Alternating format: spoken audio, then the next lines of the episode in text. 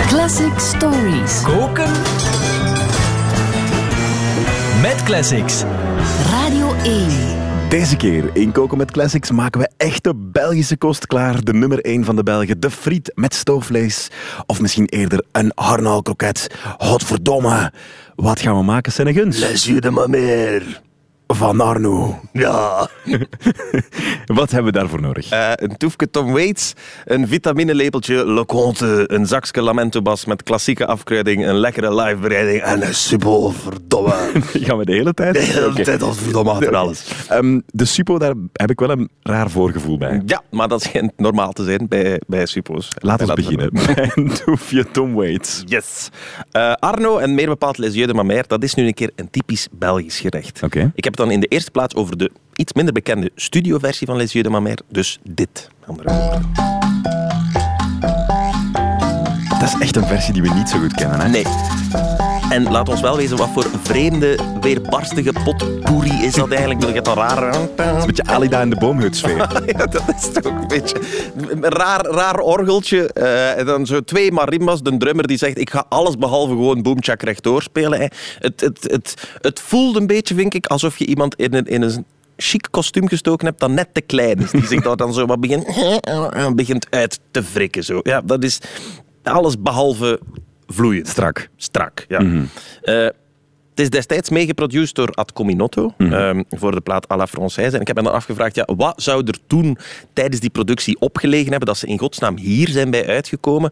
Volgens mij moet er een beetje weirde Frank Zappa opgestaan hebben in de studio. Of Captain Beefheart bijvoorbeeld, dit. Tegen draad, tegen tijd. Voilà, tegendraad. Dat is zo van, we gaan vooral... Dezelfde stem als haar nou. Ja, ja, inderdaad. Wow, is dat me, Bob? We gaan een beetje, we gaan een beetje ja, raar doen. Hè. Eh, misschien vonden ze dat te raar en hebben ze dan ook gezegd, we moeten eens ook naar Tom Waits luisteren. Dat is een beetje de Captain Beefheart, maar dan met iets normalere liedjes. Ik ging zeggen de Captain Beefheart van Radio 2, maar dat is misschien te normaal. Hè. Maar ook die stem, hè. Ja, zwaar. Dat zijn alle, alle drie draakjes. Ja, voilà. Lieve draakjes, hè.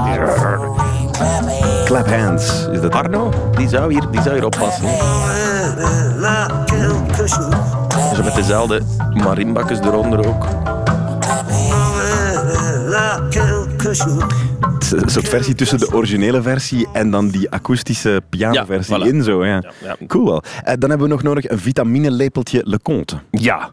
Wij zijn in de voorbereiding van dit stuk een soort eh, true detective begonnen. Waar zijn we aan begonnen? Sam? Dat weet ik niet. Zouden we niet beter een privé-detectivebureau starten? Misschien moeten we dat gewoon doen. Nee, we hebben veel gebeld eigenlijk. Zeg, het is commissaris Oh, ik heb gebeld met ehm, Piet Jorens. Ja. Dat is de man die in de kleine lettertjes ehm, bij het nummer eh, Les Yeux de Mamère staat. Namelijk, hij heeft dat nummer geschreven. Ja, de toch? muziek. De muziek.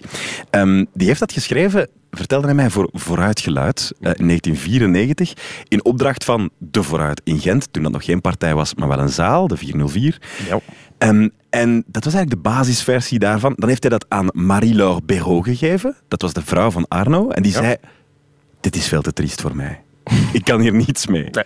Ehm, want die had toen een, een plaat gemaakt. En dan hebben ze uiteindelijk... Heeft Arno dat gehoord? En die zei, ja, ik, kan daar wel iets mee. Voor mij is het juist is genoeg. iets genoeg. Ja. Ehm, en die heeft er dan de tekst op geschreven. En zo is het dan eigenlijk een, een hit geworden. Ja, voilà. Dus dat is eigenlijk de eerste link. Piet Joris muziek gemaakt. Ja. Maar, Maar? Piet Joris die heeft vroeger blijkbaar gitaar gestudeerd en heeft ook nog gespeeld bij een zekere Jeroen Leconte. Juist. En dat is de zoon van... Dr. Leconte. Voilà. Ik, ik ken, die, ik ken die man niet zo goed. Dat is iets van een generatie voor ons. Hè? Ja, maar die ging 100 jaar worden. Hè? Ouder, 170 denk ik. Ja, en het schijnt elke keer dat je die zijn naam vermeldt, dat je zelf ook 17 jaar langer leeft. Dr. Leconte. Voilà, dokter, dokter, dokter, dokter Leconte. voilà. Maar het is ook, eh, Jeroen Leconte is ook de vader van Delphine Leconte. de dichteres. Voilà. En onderling hebben die allemaal geen goede band met elkaar. Dus, dus Jeroen praat niet meer met zijn vader en Delphine heeft ook een moeilijke band met haar va- vader. Voilà. En als je dat allemaal tezamen neemt, dan krijg je dus iemand die liedjes schrijft, denk ik. Ja. eh, bij gebrek aan goede banden links en rechts. Eh, die heeft veel liedjes geschreven. Schrijft nog altijd liedjes voor Dana Winner bijvoorbeeld, voor John Terra, ja. Leconte. Maar dacht in 1985, ik ga zelf ook eens iets proberen. En hij lanceerde toen een singeltje getiteld De trein gemist.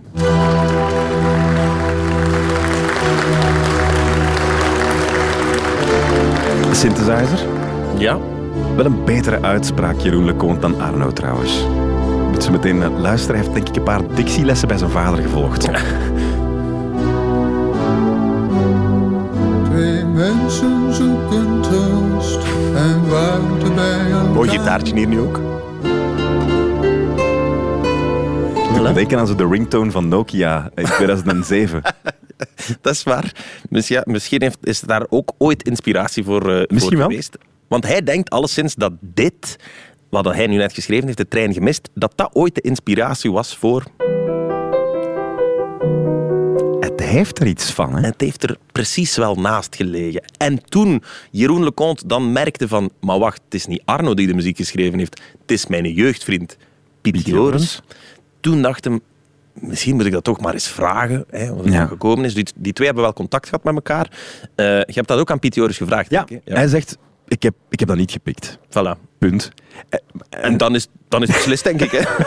Als ik een rechter zou zijn, dan zou ik een hele slechte rechter zijn. Maar ik heb het hem gevraagd en hij zei van niet. Nee, nee, dan is dat duidelijk, Ja, denk ik. Maar, nee, maar ik, ik denk dat het ook wel... Ja, het is, het is wel iets wat heel vaak terugkomt. In elk geval, ik zeg het niet alleen. Hij zegt het niet alleen. Ze zijn er ook mee naar Sabam gegaan. Daar hebben advocaten opgezeten, een commissie opgezeten. En zij zeggen samen, het was geen plagiaat. Voilà. En ik denk dat ze misschien wel gelijk hebben. Want we hebben hier al een keer een soort gelijk verhaal gehad Ah ja? met Led Zeppelin.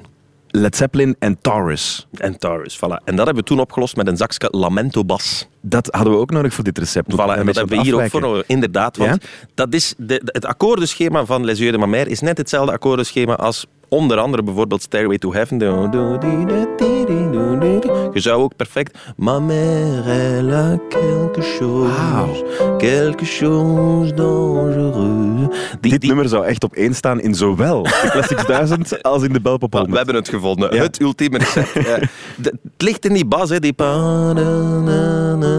na- na- na- de lamento-bas, die klagende, triestige baslijn. Dat is ook de reden waarom Led Zeppelin ook dat proces dat zij aan hun broek hadden gewonnen hebben. Omdat ze hebben kunnen aantonen van kijk, die akkoordenprogressie, inderdaad, wij hebben dat net zoals zoveel grote artiesten gebruikt. Maar dat bestaat gewoon al keilang. In 1688 heeft Henry Purcell het misschien als allereerste gebruikt in Dido's Lament. En ook daar kunt je Arno over laten zingen.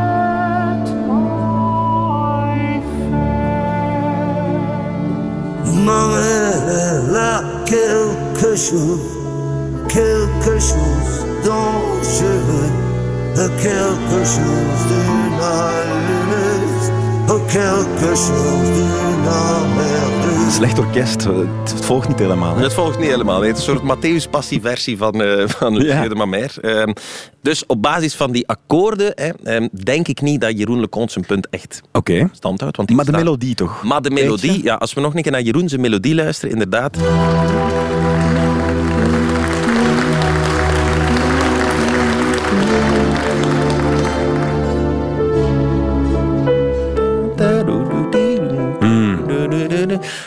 Die Daar heeft- toch iets- Daar zit misschien ook wel iets in, maar ik denk dat ook die melodie al vrij lang bestond of redelijk universeel is. Die Chopin bijvoorbeeld heeft dat ook gebruikt.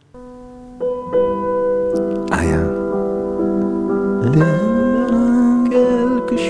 Ja, zwaar. Voilà, Radiohead, Exit Music, Voor een film. voilà, Ik- ligt hier ook naast. Of om een keer iets anders te doen, Army of Lovers. Allemaal die super uit ons gat trekken. En dansen op de drums. Gewoon boom chak. Mag ik proberen zingen? Ja. Voilà. Je gaat alle Arno-liefhebbers helemaal voor u gewonnen hebben, denk ik nu. Bepaalde bars. Kortom, ik denk, hè, Corneel, als we al die ingrediënten nu als heel eh, neutrale rechters bij elkaar gooien, dan denk ik dat zowel eh, Jeroen Leconte als Piet Joris gewoon allebei een prachtig nummer geschreven hebben met allemaal ingrediënten die gewoon ergens op het schap liggen in een goede muziekwinkel. Ja, dat is waar. Die pianolijn trouwens, ehm, ja, eerst was er natuurlijk die marimba-versie. Mhm. En dan was er die piano-versie. ehm, dat was een live versie ook. Ja. Een live bereiding. Ja, en die is eigenlijk bekender geworden dan de studioversie. Ja. Het is ook logisch dat ze daarvoor gegaan zijn, want ze merkten al vrij snel dat ze die studiobereiding met al die samples... Ja, en die, waren samples waren marimbas, samples, ja. ja. dan ook een hele laaggestemde bas. En dan eh marimbas, je krijgt dat ook niet in je koffer. Dus je kunt daar geen, je kunt daar geen promo mee gaan doen. Nee. Dus Ad Cominotto die bedacht, ik ga een versie maken met alleen maar piano. En die brachten ze dan eh, voor de eerste keer tijdens de zevende dag, ergens op 3 december, een mooie zondagochtend live.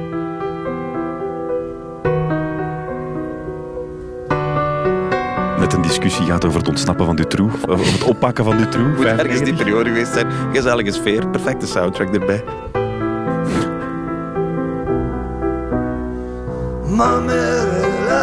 Maar dit moet waarschijnlijk een van de eerste keren geweest zijn dat deze versie op die manier gespeeld werd. En het is ook die versie die daarna eh, Serge Vijs heeft overgepakt. En die In de AB In de gespeeld. AB, voilà. En dat is dan de versie die heel bekend geworden is. Ja. En dat doet ook een beetje denken ook eh, aan, aan eh, Bob Marley, No Woman, No Cry bijvoorbeeld. Dat is een beetje hetzelfde fenomeen. De studioversie, die kent eigenlijk niemand nog. Dat is dit. Dit lijkt de karaokebar versie. Inderdaad. Met voldoende helium in te zuigen, kun je dat wel zeggen. Maar niemand, niemand denkt daar nog aan. Maar iedereen bij No Woman No Cry denkt dus spontaan aan dit. Ja. Voilà. Dat applaus valt mij eigenlijk nu pas echt op. Ja. Als in, is inderdaad een live versie. Ja, ja, maar het is, het is er zodanig gewend aan dat, dat het lijkt alsof het in de studio mee is opgenomen. Maar Ja. die versie werkt beter, die gaat, die gaat trager. Hè. Eh, die vibe klopt meer. En dat geldt eigenlijk ook voor Les Yeux de Ma Mère. Eh, die pianoversie, dat doet meer aan Jacques Brel, denk ik. Juist. En dat geeft een heel andere emotionele lading aan de tekst ook. Dus dat werkt een stuk beter. Over die tekst gesproken. eh, dat gaat over de ogen van zijn moeder, van Arno. Het gaat ook over Marie-Laure Béraud, zijn vrouw. Het is ook een ode aan de moeder in het algemeen. Maar het gaat ook vooral Over? een suppositoire. Voilà. Zo'n klein poepsnoepje. Ja.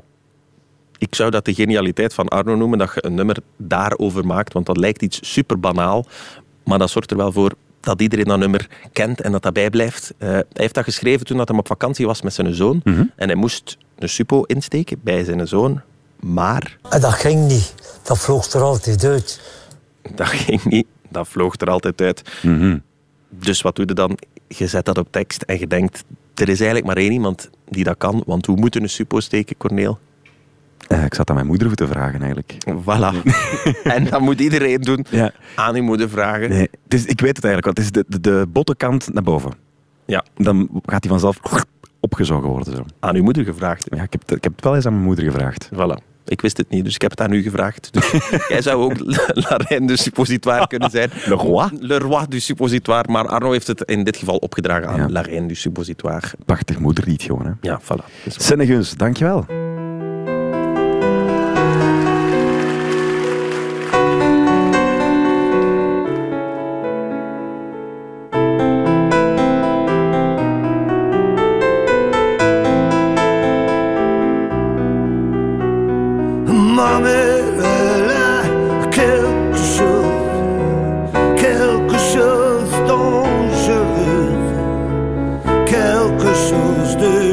D'une allumeuse, quelque chose d'une emmerdeuse.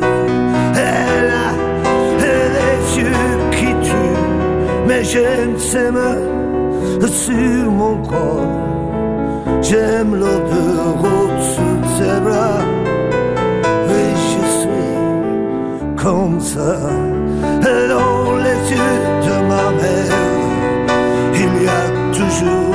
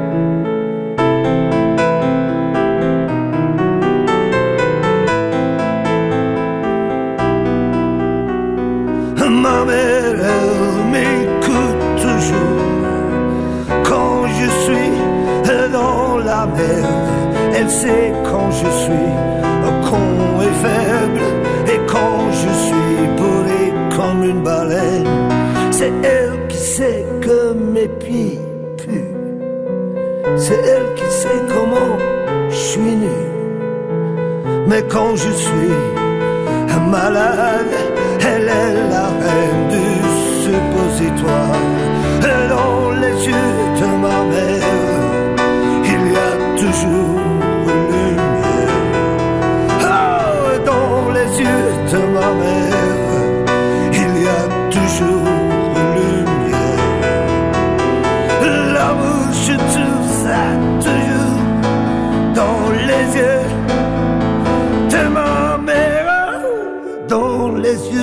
de ma mère, il y a toujours une lumière.